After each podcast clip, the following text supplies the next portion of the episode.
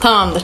Ee, şimdi bugün e, öncelikle e, yayına Çağla'yı almadan önce bu e, yurt dışında okumak adlı hesabın ilk canlı yayını.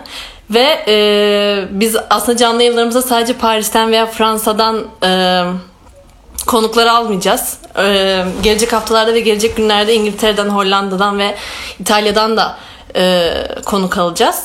E, elimizden geldikçe merak ettiğiniz soruları cevaplamaya çalışacağız.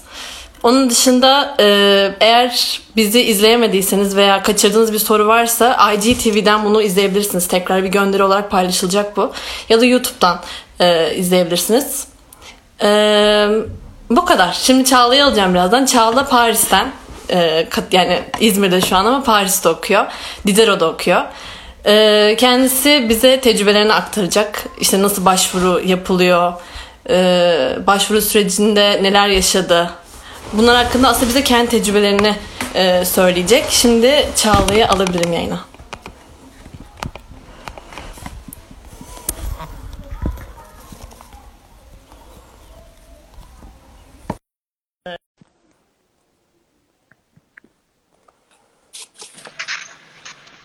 Merhaba Canım Çağla. arkadaşım merhaba. Herkese de merhaba aynı zamanda. İyi misin? Aynı anda konuşunca seslerimiz üst üste mi biniyor? Yo şu an iyi bence sorun yok. Şu an manav geçiyor. Özür dilerim arkadaşlar. Bahçede olduğum için arada böyle sesler olabilir ama benim sesim iyi geliyorsa Evet evet sesin iyi geliyor. Seste bir sıkıntı yok. tamam. Şu ışığı da düzeltelim. Nasılsın? İyiyim sen nasılsın? Ben de iyiyim. Sıla benim liseden en yakın arkadaşlarımdan biri olduğu için bence çok keyifli bir sohbet olacak.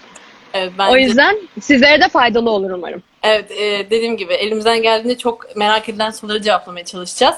Ve eğer sizin e, merak ettikleriniz daha varsa bunu chat kısmına da bırakabilirsiniz bu arada. Şimdi Çağla bence sen ilk önce e, hangi okulda okuduğundan, hangi bölümde olduğundan biraz kendinden bahset. Tamamdır. Önce mezun olduğum okuldan bahsedeyim. Nasıl Fransa'ya gittiğim belli olsun. Moderatörümüz canım arkadaşım Sıla Sağlam gibi. 2018 İzmir Saint mezunuyum. Sonrasında Paris'e gittim. Paris Diderot'da okuyorum. Diderot ya da Diderot. Diderot diye okunuyormuş. Ben de bu yıl öğrendim. Üniversitede Paris diye değiştin, değiştirildi mi yoksa? Evet çünkü şöyle oldu.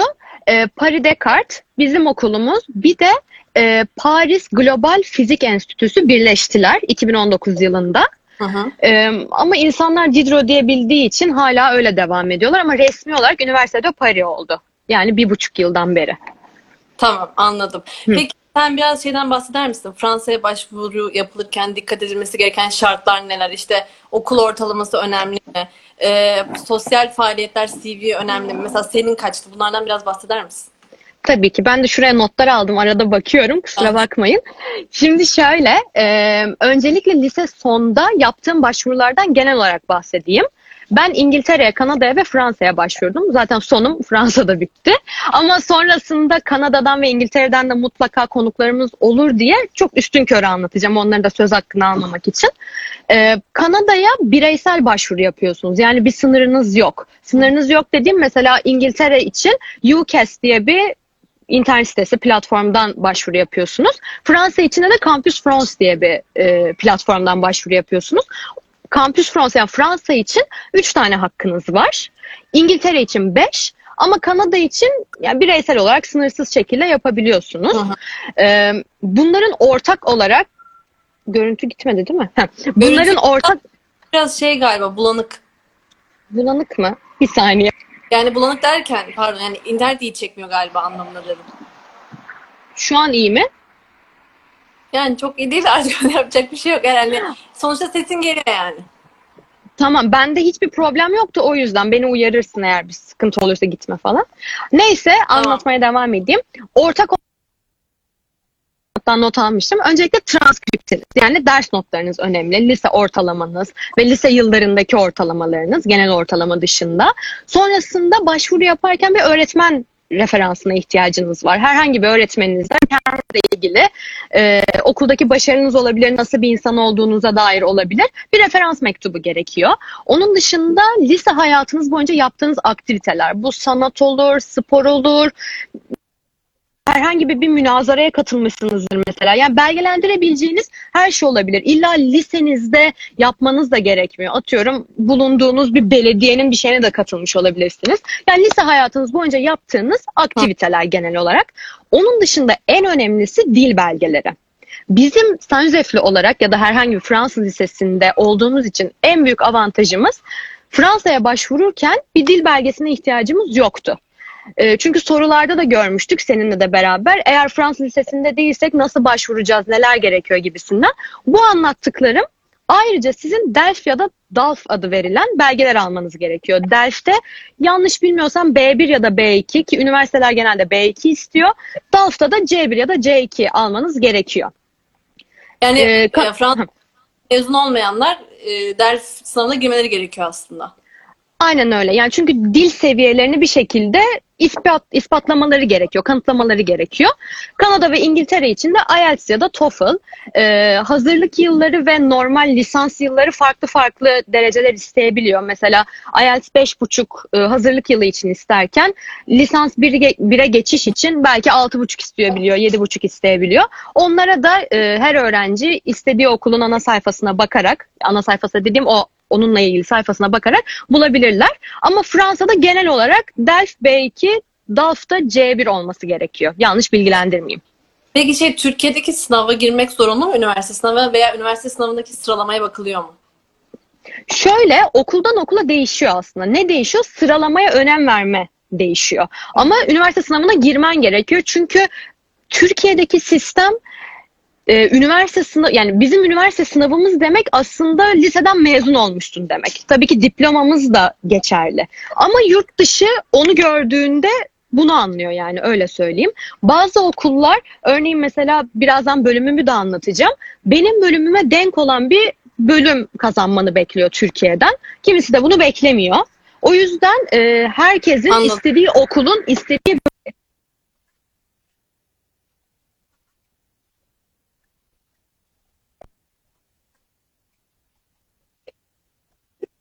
e, götürmüştüm belgemi. Hani ben şunu şunu kazandım, puanım bu diye.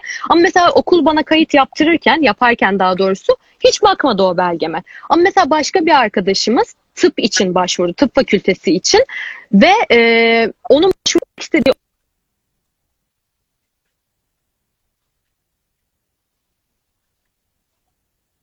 İlk 40 bin barajını aç, aşman gerekiyordu tıp için. Ama başka tıp fakülteleri de istemiyordu. O yüzden herkesin bakması gerekiyor. Ya da belki bize sorabilirler. Biz onlar için halledebiliriz. Tabii. Peki şey Campus France üzerinden 3 başvuru hakkınız oluyor değil mi? Yani 3 üniversiteye başvurdun sen. Üç üniversiteye başvurdum, başvurdum. Sistem değişmiş ama önce kendi iki yıl önceki sistemimden bahsedeyim. Bizim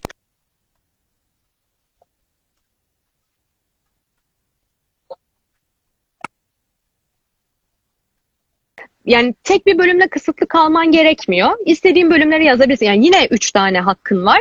Ama ister tıp yaz, ister mühendislik yaz, isterseniz sözel bölümler yazabilirsiniz. Üç hak dahilinde bunları kullanabiliyorsunuz.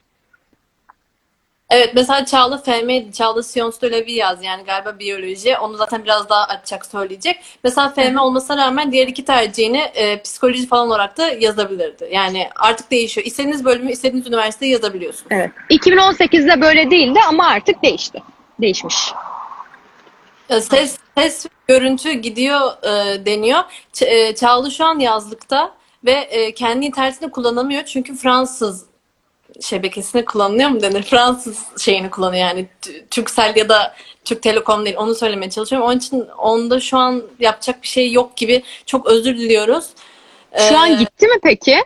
Yok gitmedi. Sadece bulanık. Ses arada gidiyor ama çok çok gitmiyor bence ses. Yani çok çok arada gidiyor. Hani sanki boş Yorumlarda öyle mi yazmışlar? Çok özür dileriz gerçekten.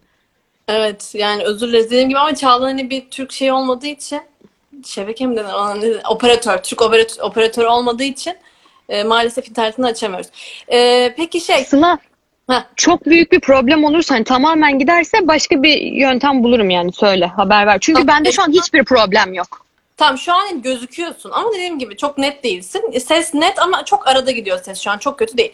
Evet ben şimdi devam ediyorum. E, kabul geldikten sonra yurt işlerini nasıl yaptı? Yani araştırmaları internetten mi araştırdın yoksa bir dernek, ajans gibi bir yerden mi e, destek aldın? Benim kabulüm e, tam 8 Nisan 2018'de gelmişti. Nisan'dan itibaren de bir dernekle çalışmaya başladım yurt bulmak için. E, ama sonrasında çok memnun kalmadım ve e, orada okuyan arkadaşlarımla haberleşmeye, aynı zamanda yurtlarla haberleşmeye başladım ki bence kesinlikle kendinizin yapabileceği bir iş. Hı hı. Ee, onu, ondan sonra iletişime geçmeye başladıktan sonra tam Mayıs'ta bir ay içinde, neden bir ay içinde daha da erken bulunabilir aslında. Paris'te gerçekten konaklama bulmak çok zor. İster ev, ister yurt gerçekten çok zor. Çünkü Paris'te herkes ev arıyor bir şekilde ve bulması çok zor oluyor. Kendi kondisyonlarınıza uygun, bütçenize uygun. Ama bunların da alternatif, alternatifleri var. Birazdan onlardan da bahsederim. Her Hı hı. neyse ben yurdu bulduktan sonra dernekle e, iplerimi kopardım ve kendim mailleşme yoluyla e, hallettik. Onlar kontrat gönderdiler posta yoluyla. İmzaladım çünkü ıslak imza gerekiyor. Ben de postayla gönderdim. Ya Mayıs ayında her şeyi hallettim. Yani çok erken. Eğer gitme, gitmeyi düşünenler varsa özellikle Paris'e ya da başka bir megapole olabilir. e, kalacağınız yere önceden, aylar öncesinden hatta ayarlamak. Çünkü sonrasında çok sıkışabilirsiniz. En büyük tavsiyem bu olabilir. Peki ev için böyle bir kefil istiyorlar mı? Fransız kefil. Yani ev zor mu ev kiralamak? Ya da mantıklı Normal kiralamak yurda göre. norm, normalde isteniyor Fransız bir kefil ama kabul etmeyenler de var. Mesela çok yakın bir tarihte yaşadım bunu. Dedim ki böyle böyle benim annem kefilim ve Fransız değil kabul eder misiniz? E, maaş borcusunu falan göndermeniz gerekiyor. Kabul ettiler ve bu şekilde çok basit bir yolla anlaştık. Bazıları da çok diretiyor. Fransız kefil istiyoruz illaki diye. O Hı hı. durumlarda da e, bazı garantör siteleri var. Hı hı. Onlardan yararlanabilir ya da belki bir tanıdıkları vardır. Hı hı. Bu şekilde bulunabilir. Peki şey yurt fiyatları nasıl? Hani onları da söylersen belki daha netleşir. Ya da Tabii ki. mi gerçekten çok? Şöyle e, Paris Fransa'daki diğer şehirlere göre zaten bence en büyük dezavantajı konaklama olarak en pahalı şehir olması. Hı şimdi ben e, genel bir fiyat biçeyim. Örneğin 800 Euro'dan başlayan yurtlar da var. Bin küsür yani aklınızın alabildiğine kadar çıkan fiyatlar da mevcut. Ev için de aynı şekilde böyle. Ee, ama ben şu an 900 Euro'ya kalıyorum mesela ve kaldığımız yerlerde stüdyo oluyor genelde. Hı. stüdyo evleri. Zaten Fransa'da hani normal bir eve çıksanız bile çok mümkün değil bulmanız, büyük evler bulmanız. Çünkü yerleşim yeri olarak Paris eski bir şehir olduğu için yeni yapılanmalar çok mevcut değil. O yüzden stüdyo, şanslıysanız belki bir artı bir ya da bütçeniz çok yüksekse bu gibi fiyatlara bulabilirsiniz. Yani pahalı aslında. Bir de hani kur da a, Türkiye'de şu an 7-8 yani pahalı. Yurtta. Maalesef. Evet. Peki yurtla ev arasında çok Ama fark başka şehirlerden bahsedebilirim kısacık. Mesela Lyon gibi, Bordeaux gibi şehirler. E, onlarda arkadaşlarımın kaldığı fiyatları söyleyeyim. 600 euro. Çok daha ucuza kalanlar da var. 450-500 gibi. Hı hı. Bunları söyleyebilirim. Dediğim gibi Paris'in en büyük dezavantajı bu. Birisi kaf yardımını sormuş. O kaf yardımına geleceğiz birazdan. Ee, şu an ama ben senin e, Diderot ile ilgili konuşmak istiyorum. Diderot ilk tercihin miydi ve neden seçtin Diderot'u? Mesela hep Sorbonne akla gelir yani Paris deyince. Hani bölüm olmadığı için mi Sorbonne'da se- e, Diderot'u seçtin yoksa başka bir nedeni var mıydı? E, Sorbonne'da da bölümü var. Hatta Marie Curie diye geçiyor. Fen fakültesi. Yanlış bilmiyorsam doğru söylemişim umarım. E, Ben hiçbir zaman Sorbonne istemedim. Sorbonne ilk tercihim hiçbir zaman olmadı. Neden diyecek olursan aslında e, ilk başta lisede birazcık gözümüzü korkuttular başvururken. Ortalamanız çok yüksek değilse Sorbonne'a başvurmayın kesin red alırsınız. Bu arada benim e, liseden mezun olma diplomam da 80'di.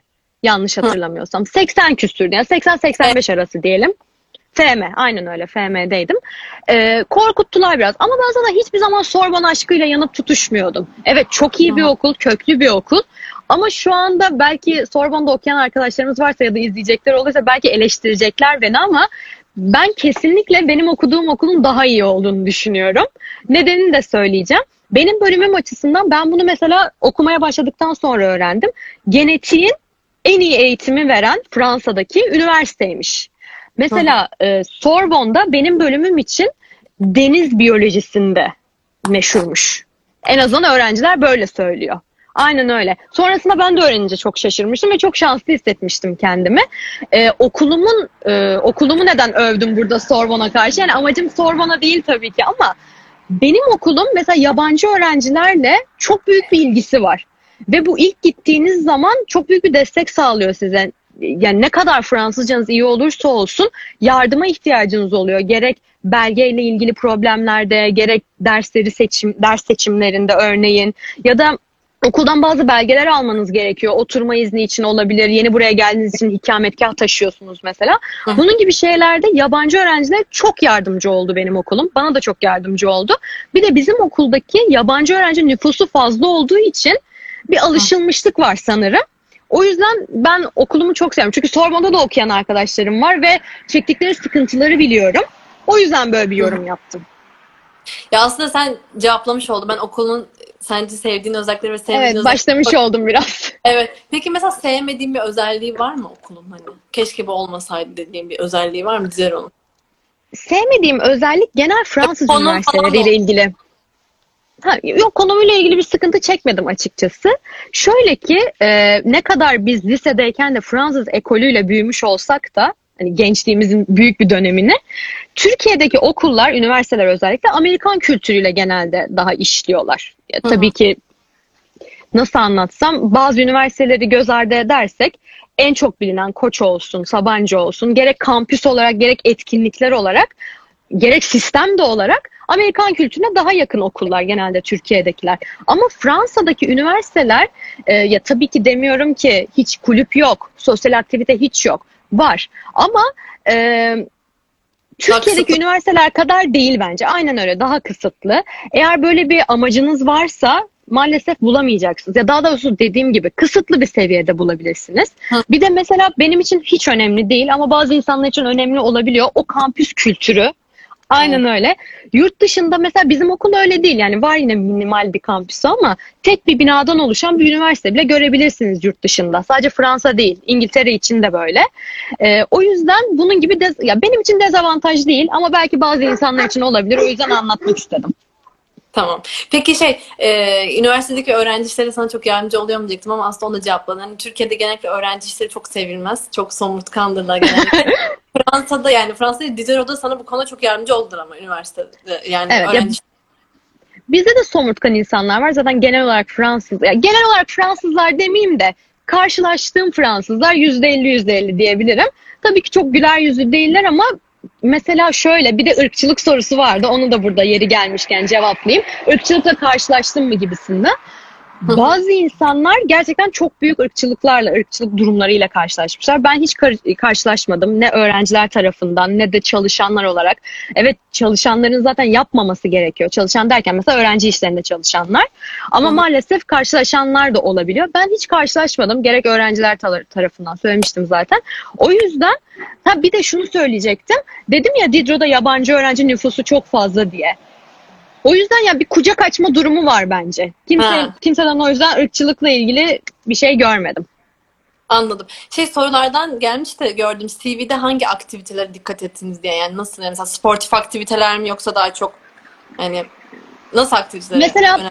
Söyleyeyim. Ben mesela hiç spor yapmamıştım lise hayatımda. Ama örneğin lisede bir takımdasındır. İşte basketbol takımı olabilir, voleybol artık okulunuzda ne varsa. Ya da dediğim gibi bulunduğunuz ilçenin bile bir takımında olabilirsiniz. Onun dışında e, müzikal e, bir aktiviteniz vardır. Bir resitale katılmışsınızdır. Onun belgesi vardır mesela. Onu kullanabilirsiniz. Onun dışında resim olabilir. Herhangi bir sergiye bir eser sunmuşsunuzdur. Sırf resim değil, seramik de olabilir mesela. Aklınıza gelebilecek her şey. Onun dışında az önce Emine- demiştim. Mesela Ha. Emyen. Evet onu söyledim. Biz ikimiz de Sıla'yla Emyen'e katılmıştık lise hayatımızda. Ee, Emyen'i bilmeyenler için de e, Model United Nations, mo- Birleşmiş Milletler modeli. Evet. Aynen öyle. Öğrenci versiyonu. Versiyon. Onu yaşatıyoruz. Ee, bunun aktivitesine katılmıştık diyeyim. Oradan aldığımız belgeleri ben kullanmıştım ve özellikle e, Kanada ve İngiltere için bu çok önem gördüğünü düşünüyorum. Çünkü ben İngilizce katılmıştım. Fransızca değil. E, Fransızcası da var bu arada. Onun dışında da son olarak dediğim gibi böyle münazaramsı, e, sözel belki bir yarışmaya katılmış olabilirsiniz. Hı. Onların belgeleri. Aklıma şimdilik bunlar geliyor. Tamam. Ee, şimdi şeyden devam edelim istersen. Fransa'da okumak nasıl bir şey? Mesela Fransızca lisans eğitimi almak zor mu? Yani şöyle aslında sen e, Fransız lisesinden mezunsun. Yani bir Fransızcan vardı. Hazırlık okumadım Fransa'da ama mesela e, Fransız lisesinden mezun olmayanlar Fransızca hazırlık okuma gibi bir imkanı yok galiba değil mi? Yani e, derfi ya da dalfa almaları gerekiyor.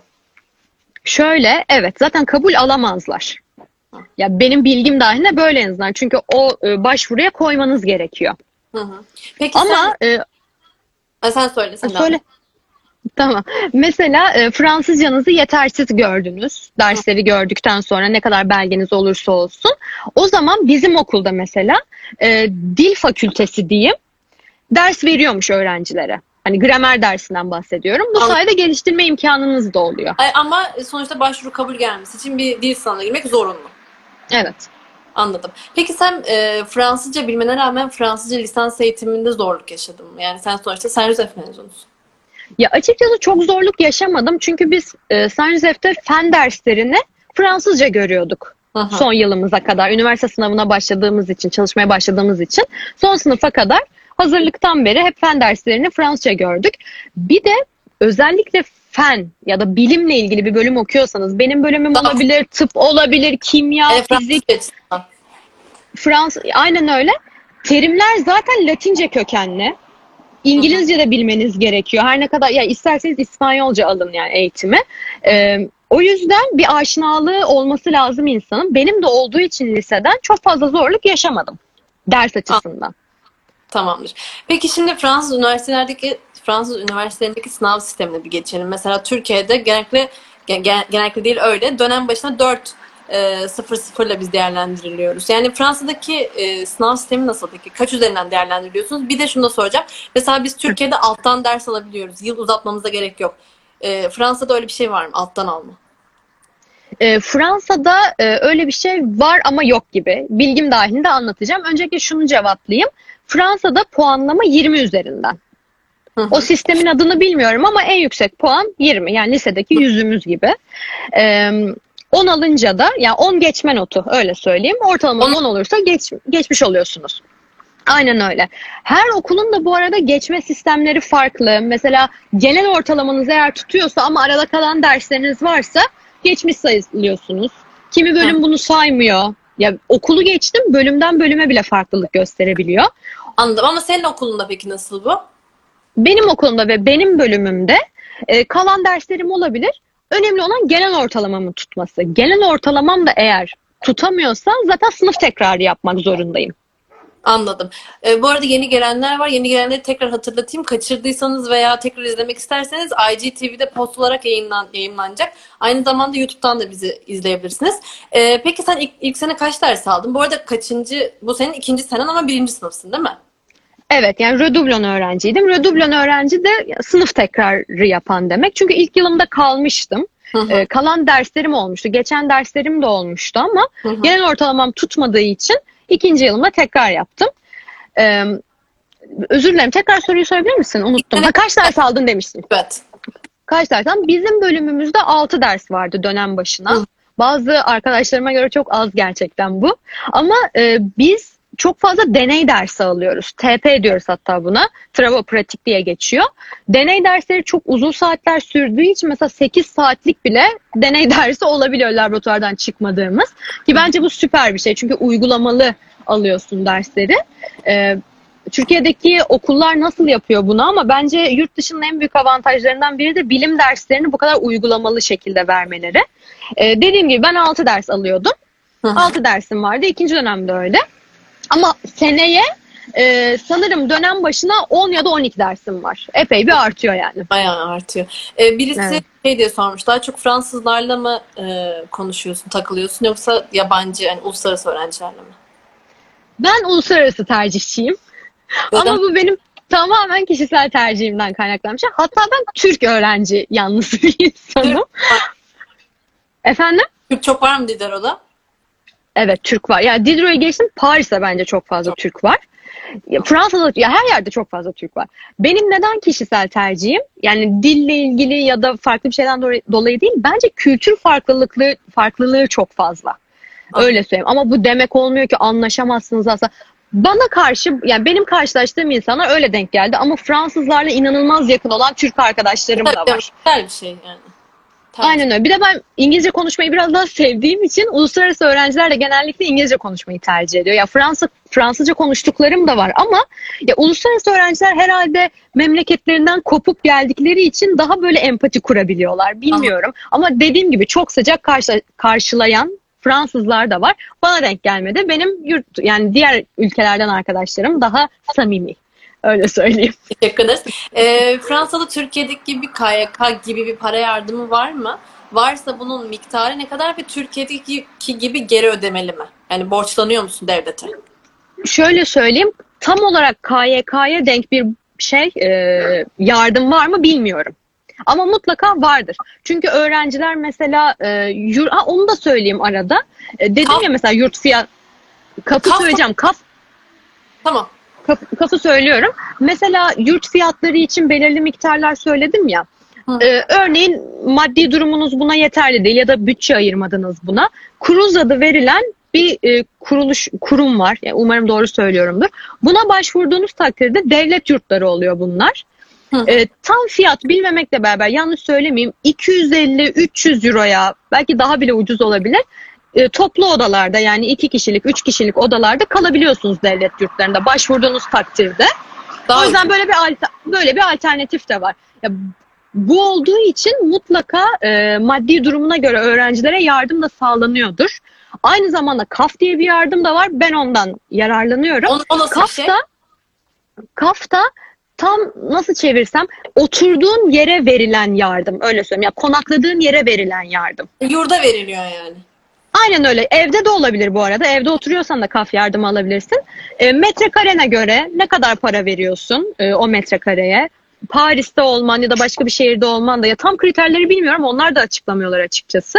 Buna göre belirli bir miktarda e, yardım alabiliyorsun. Peki ne kadar hani o miktarı biraz verebilir misin? Tabii ki ben 900 euro veriyorum yurduma. 206 euro her ay kaf yardımı alıyorum. Şu Bu zamana kadar hiçbir Değil mi? Sen bunu geri öde... Hayır, ödemeyeceğim. Peki KYK'dan yararlanıyor musunuz Türkiye'deki? Ben yararlanmıyorum ama yararlanan arkadaşlarım var. Ha yararlanabiliyorsun. Yani yararlanabiliyor yurt dışında okusanız dahi. Peki miktar aynı mı? Onu biliyor musun? Mesela 550 lira Türkiye'de. Daha fazla sanırım. Daha fazla. Çünkü e, örneğin 100 euro kurla beraber arttığı için Aslında kural- 700 küsür oluyor. Evet. Anladım. Peki. Ama dediğim gibi bunu bir araştırın arkadaşlar. Tam miktarı bilmiyorum. Ama çünkü. sonuçta KYK yardımı alabiliyorsunuz. Yani böyle bir hakkınız var. Tabii ki. Tamam. Evet. Ama geri ödemeli sonradan. Af falan çıkmazsa. Ee, şimdi biraz Paris hakkında konuşalım. Ee, ya tabii Paris en gözde şehir. Hani Avrupa'nın da en gözde şehri. En çok turist alan şehir ama e, diğer şehirler varken Fransa'da neden Paris tercih ettin? E, bu da çok kişisel bir soru açıkçası. E, ben daha böyle megapolde yaşamak istiyordum. Yani daha kalabalık olsun, kültürel imkanları daha iyi olsun ve bence okulları da daha iyi. Mesela Fransa'daki üniversitelerde evet belki eğitim farklılığı çok fazla yok deniyor ama bana göre var. Yani diğer şehirlerde okuyan arkadaşlarımla özellikle aynı bölümde okuduğum arkadaşlarımla iletişim kurduğumda bunu görebiliyorum. Yani O yüzden bahsediyorsun. evet Anladım. Ya da eğitim yoğunluğu diyeyim. Dersler mesela çok farklılık gösteriyor. Aynı bölüm olsa dahi. Ee, bunlardan dolayı ben Paris'te yaşamak istedim. Daha e, hareketli bir şehir olduğu için öyle söyleyeyim Evet, yani. daha etkili aslında yani dediğin gibi. Aynen öyle. Yani bu İstanbul'da mı okumak istiyorsunuz, İzmir'de mi okumak istiyorsunuz, Ankara mı gibi bir kıyaslama.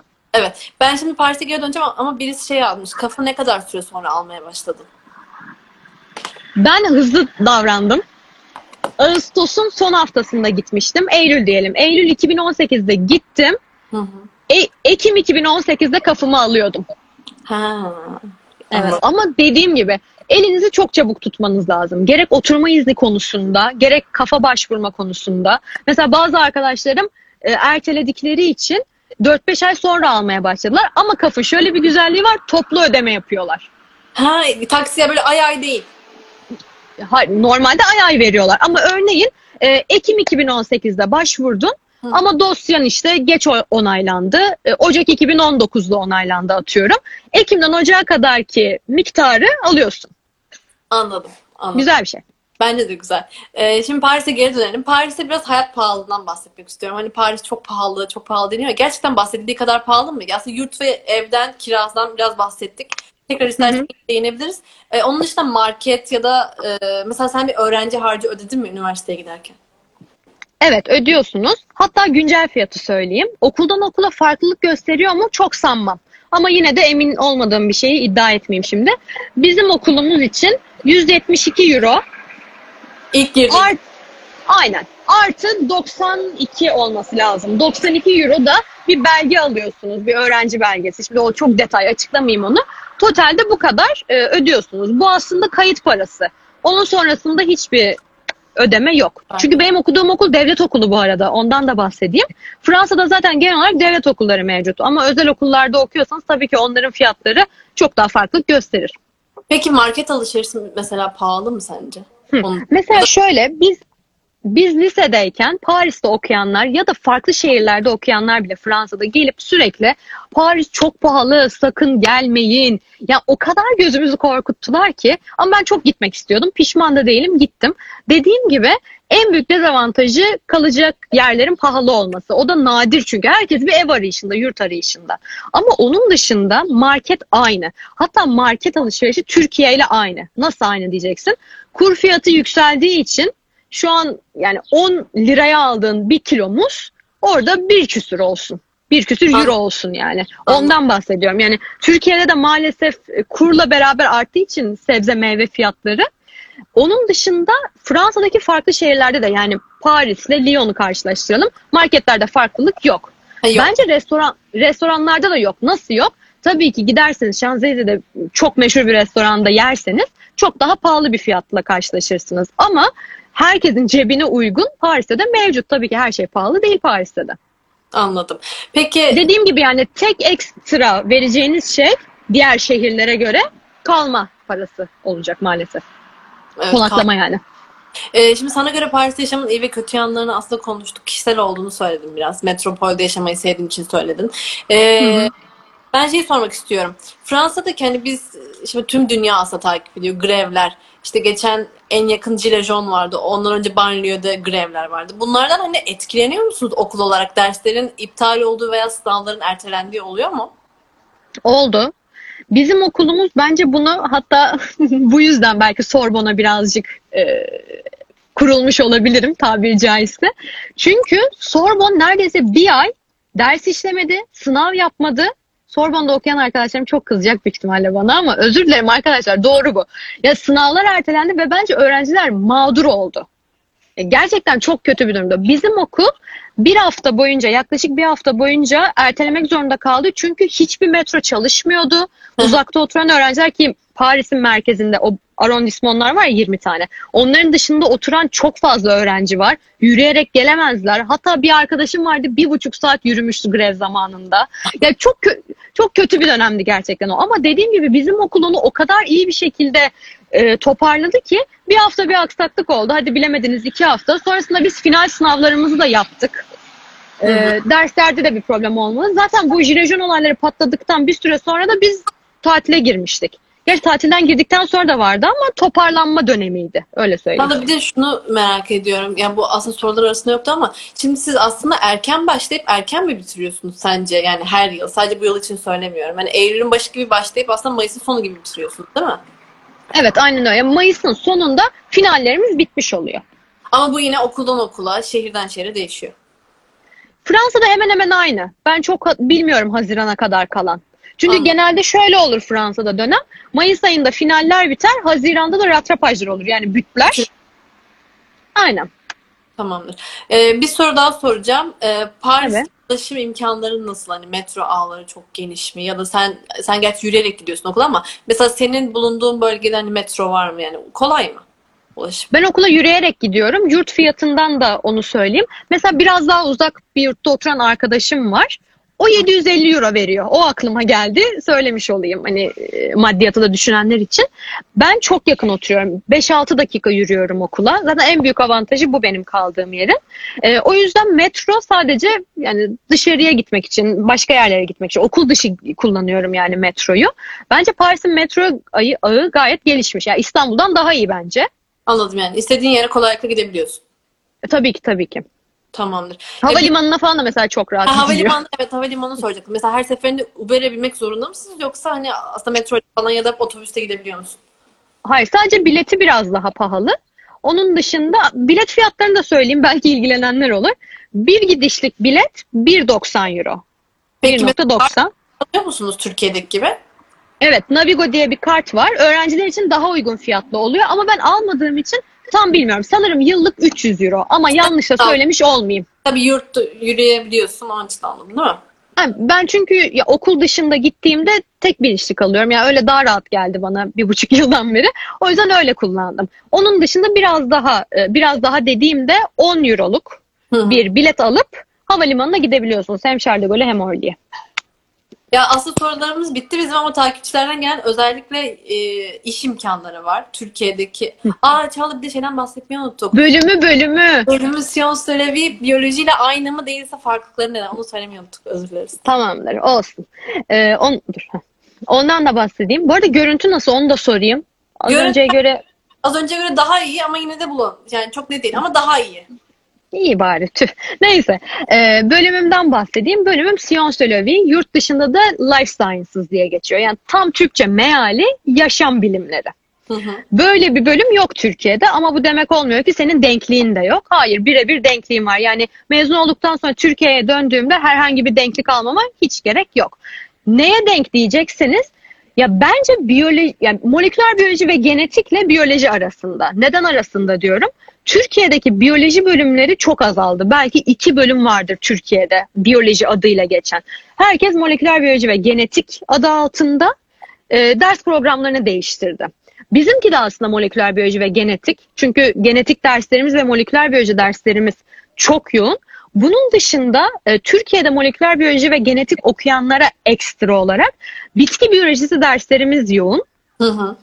Onun dışında ortak olduğunu düşündüğüm yine Türkiye ile ve diğer e, yurt dışındaki okullarla. Zaten yurt dışındaki Life Sciences bölümüyle bizim la Vie'miz aynı. Türkiye ile kıyaslayacak olursam mesela biyoistatistik derslerimiz var, biyokimya derslerimiz var, kimya derslerimiz var ayrıca, matematik, fizik, bunun gibi de derslerimiz yoğunlukta. Ayrıca İngilizce dersi de alıyoruz belki merak edenler olur. Ya Fransa'da okuyoruz ama İngilizce dersimiz de var. Seçmeli bir yabancı dil alıyor, alma hakkınız var mı? İspanyolca. Seçmeli ders olarak alma hakkınız var ama ben psikoloji almıştım mesela. Bu yıl tek bir hakkım vardı. Peki şey soracağım. 6 dersten kaçı seçmeli? Hepsi zorunlu. Hayır psikoloji dedin ya. İkinci dönem bir tane hakkımız vardı. Beşe bir oldu o Tamam. zaman. Beş tane zorunlu bir tane seçmeli. Anladım. Yani aslında şey senin bölümün için la Vie için denklik almaya gerek yok ama tabii Fransa'da bazı bazı bölümler için denklik olabiliyor. Mesela hukukta muhakkak herhalde vardır denklik diye düşünüyorum.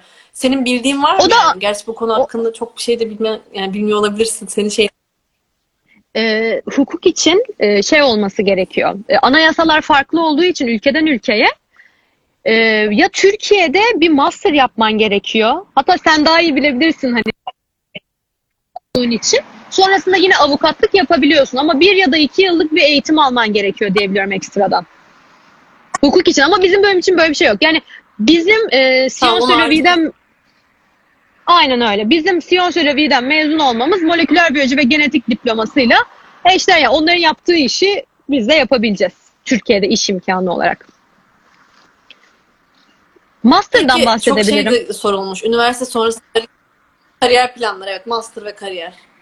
Master ve kariyeri birleştireyim o zaman. Ee, zaten şu- Fransa'da şu çok popüler. Mesela özellikle mühendislikte. Biz 3 yılın sonunda benim bölümümde, Sciences Vie bölümünde 3 yıllık diplomayla e, işe girebiliyoruz tabii ki. Ama master yaptığımız takdirde çok daha e, kapsamlı bir diplomamız oluyor. Ama mühendislik düşünenler de belki vardır aranızda. E, mühendislikte 3 artı 2 yapmak zorundasınız. Ama master diplomasıyla mezun oluyorsunuz Aha. yine.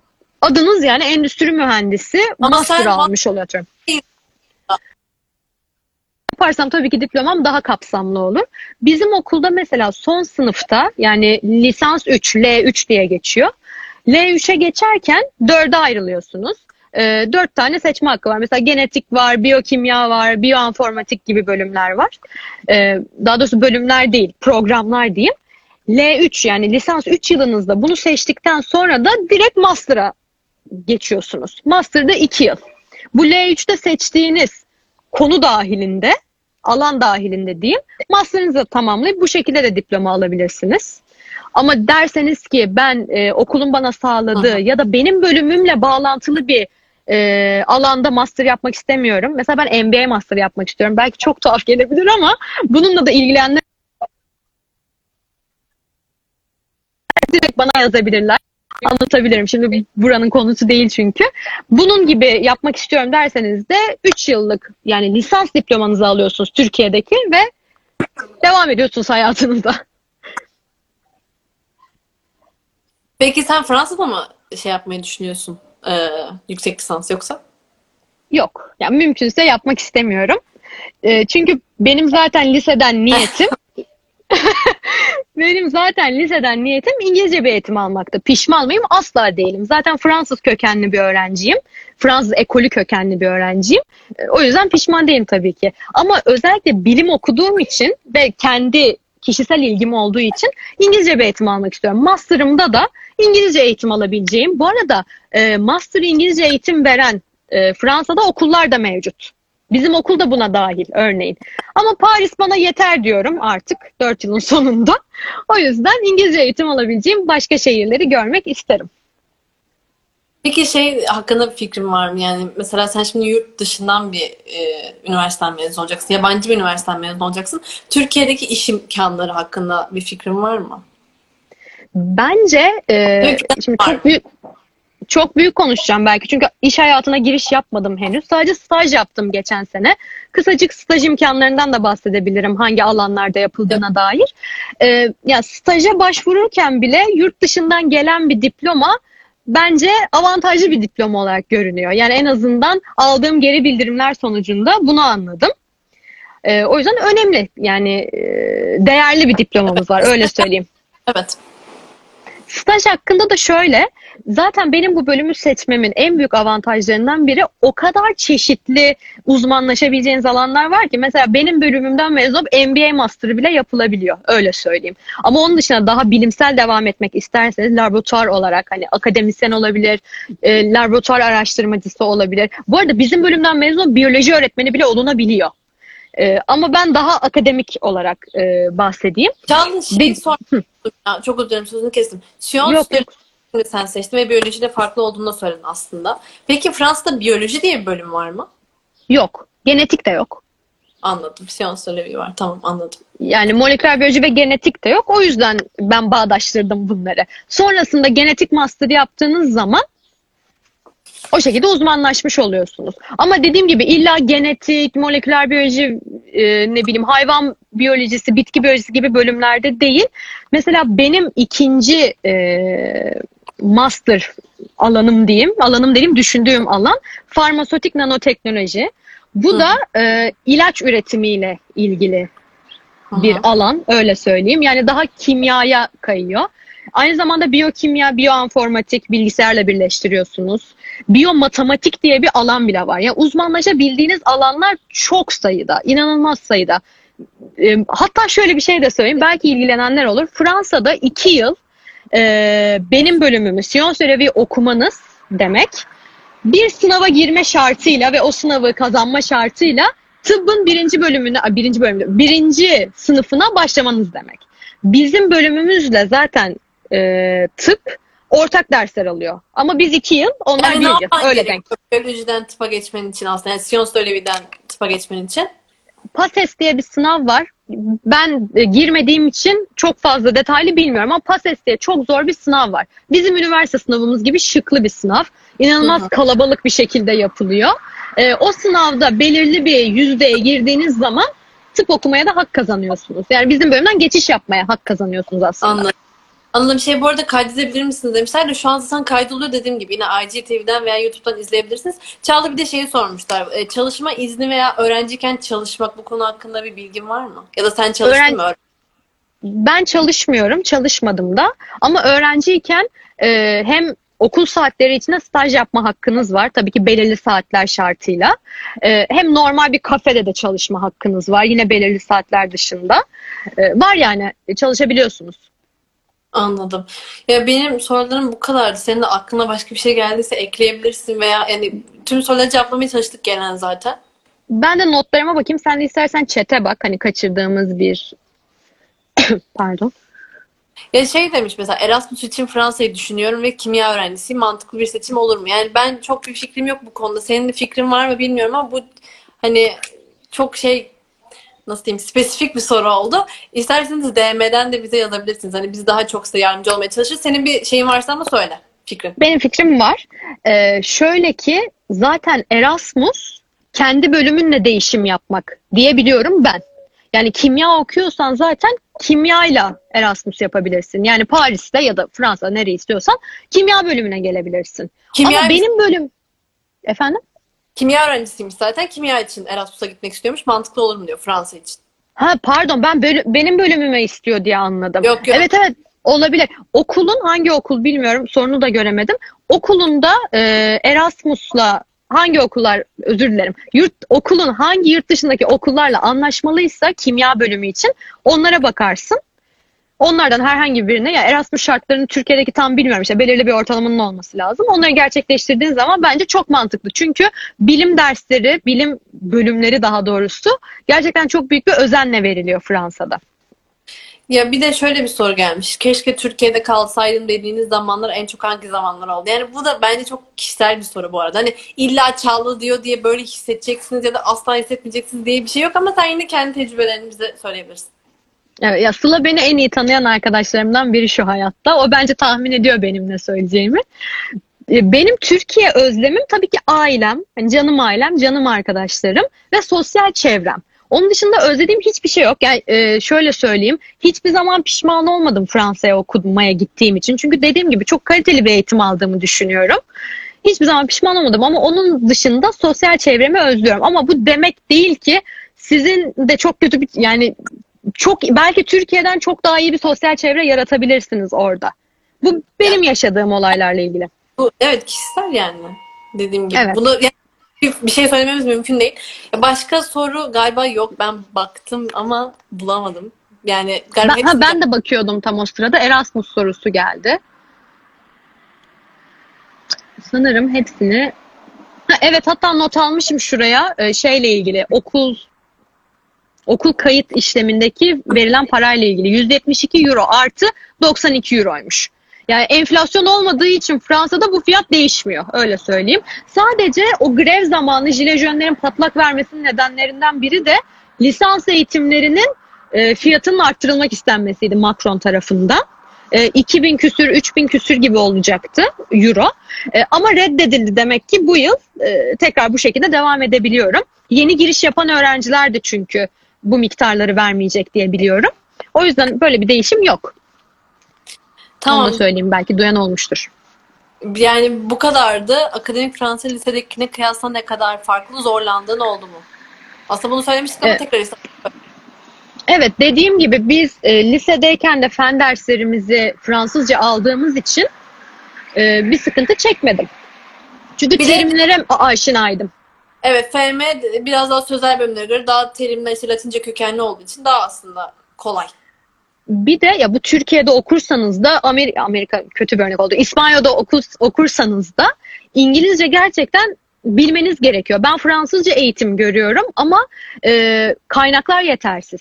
Hocalar bile İngilizce kaynaklardan yararlanıyor. Çünkü bütün mak- İngilizce dersiniz. İngi- zorunluydu ama çok basitti. Yani çok basit bir seviyeydi öyle söyleyeyim. Çok önemli değildi. Ee, makaleler hangi milletten olursanız olun İngilizce yazıldığı için İngilizce okunuyor. O yüzden e, dilinizin gerçekten önemli olması, ay, pardon, e, iyi olması lazım bu bölümünü okumanız için. Evet. Çağla teşekkür ederiz. Yani ben başka Ben soru teşekkür ederim. katıldığınız için de teşekkür ederiz. Ayrıca şu an herkes izleyen Evet seyircilerimize de. De çok teşekkür ederiz. Ee, yani bu kadar da umarım size faydalı olabilmişizdir. Ee, siz e, daha çok bize soru sormak isterseniz dediğim gibi DM'den de iletişime geçebilirsiniz. Tekrar söyleyelim. YouTube'da da yayınlanacak. IGTV'de de yayınlanacak. Çağla tekrar çok teşekkür ederiz. Ben teşekkür ederim. Umarım çok faydalı olmuştur. Hoşunuza gitmiştir sohbetimiz. Ee, Sıla'nın da dediği gibi atladığımız konular varsa lütfen bizimle iletişime geçin. Bu kadar. Evet. Teşekkür ederiz. Kendinize iyi bakın tekrardan. Hoşçakalın.